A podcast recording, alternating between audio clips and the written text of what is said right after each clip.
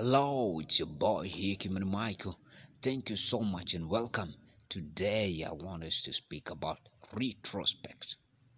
Yeah, looking back, re- reflecting at your life choices, looking at what you have done, what you have accomplished, and what you have not accomplished, and what you would like to accomplish in the future.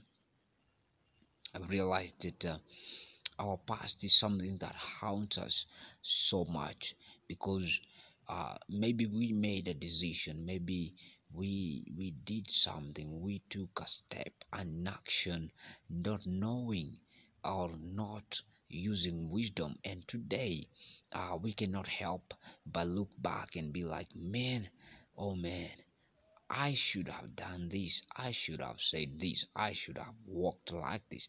I should have dressed like this. I should have all those I should haves and should have not. Those are the things that I want us to talk about.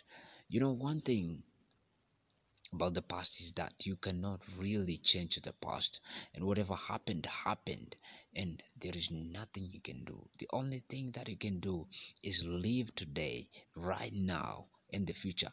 Do you know the funniest thing is that you don't have control of what happened just the minute that has passed?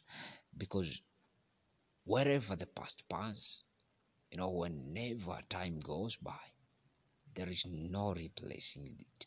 There is no undoing things that you have done. And most of us are haunted by our actions, by our words.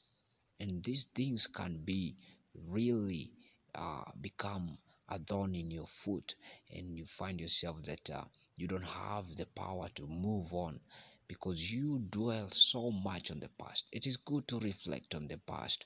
It is good to look back at your steps, at your your actions, and be like, "Yeah, I did this."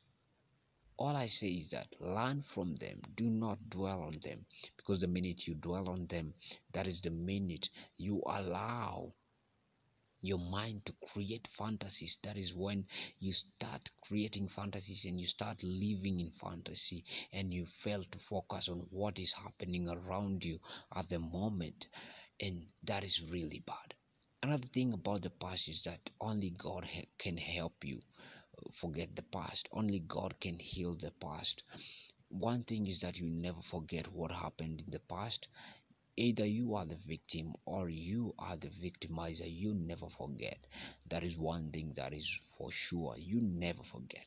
But god can help you to heal to live with the consequences to live and to understand and to agree with whatever happened and the outcomes that resulted after you did something that you were not proud of.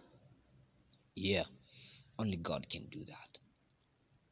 But um let let us go to the past and let us focus on the good things that you did on the past.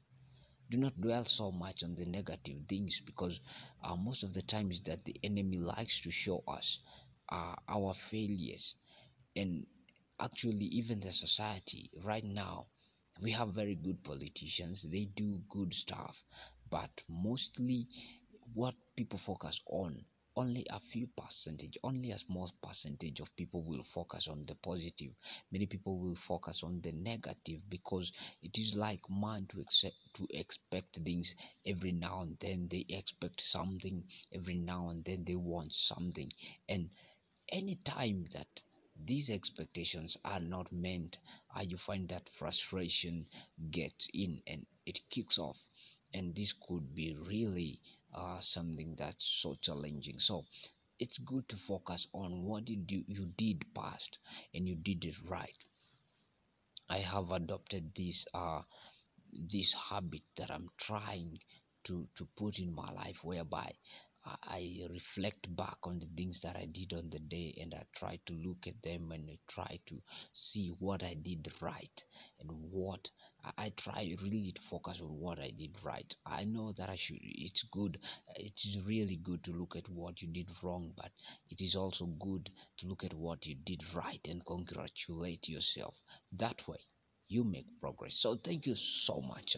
That was retrospect. I was talking about looking back and reflecting back. Do not forget to share. Do not forget uh, to like this page, subscribe, and let us move on forward together. Let us heal our mental state. Let us see to it that we have a good mental health together to create a society that is cool, a society that is livable, a society that is acceptable in our eyes. Thank you so much. Until next time, I'm Kimani Michael. I'm your guy, and this is the place to be. Thank you. Bye bye.